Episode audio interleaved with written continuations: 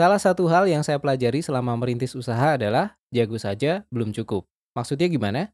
Jadi jago, hebat, master, expert dalam mengerjakan suatu hal tidak terus membuat kita pasti berhasil. Misal nih, jago masak. Tidak terus membuat seseorang akan bisa menjadi pengusaha makanan yang berhasil. Jago motret tidak serta-merta membuat kita menjadi fotografer yang sukses. Jago desain tidak terus otomatis menjadi desainer sukses. Kok bisa? Saya kenal beberapa jagoan ini yang expert tapi belum berhasil usahanya. Mungkin teman-teman juga kenal beberapa di lingkungan keluarga atau pertemanan. Apa yang terjadi? Nah, saya baca sebuah buku lama, agak telat juga sih bacanya. Sudah sempat beberapa kali gagal usaha. tapi ya nggak apa-apa, telat lebih baik daripada nggak sama sekali. Tulisan Michael E. Gerber. Judulnya E-Myth. Why Most Small Businesses Don't Work, alias mengapa sebagian besar usaha kecil gagal. Saya merasa cocok dengan ide di buku ini dan sering rekomen ke teman-teman. Sampai mungkin saking seringnya rekomen, udah kayak kaset rusak gitu ya, ngulang terus. Jadi untuk sebuah sistem usaha diperlukan tiga peran atau elemen. Peran pertama adalah teknisi. Misal ahli masak, ahli ngelas, ahli desain, dan sebagainya.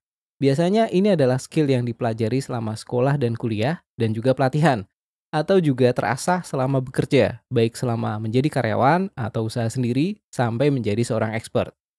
Peran ini ternyata belum cukup. Diperlukan ada peran kedua yaitu manajemen.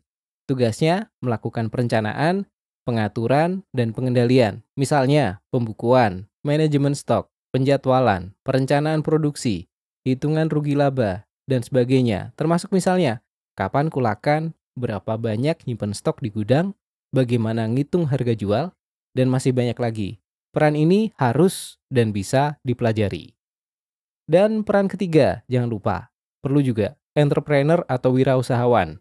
Peran ini berfungsi sebagai kepribadian yang kreatif, memikirkan atau memimpikan hal-hal yang baru, bicaranya masa depan, kemungkinan, dan peluang. Misalnya nih, peluang produk baru, jasa baru, varian rasa baru, cara pemasaran baru, desain packaging baru, segmen pasar baru, dan seterusnya.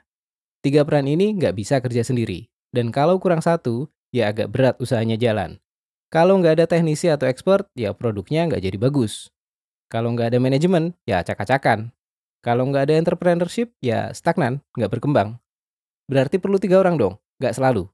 Kalau usaha kita baru awal-awal, satu orang saja nggak apa-apa tapi harus menjalankan tiga peran itu, alias nggak berkutat hanya di satu peran saja.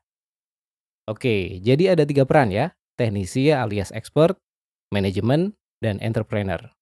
Itu saja, semoga bermanfaat, stay safe, tetap semangat, sampai ketemu di episode berikutnya. Bye! Itu saja untuk kali ini, jangan lupa subscribe dan tunggu episode seru berikutnya di channel ini. Have the best day, wassalamualaikum.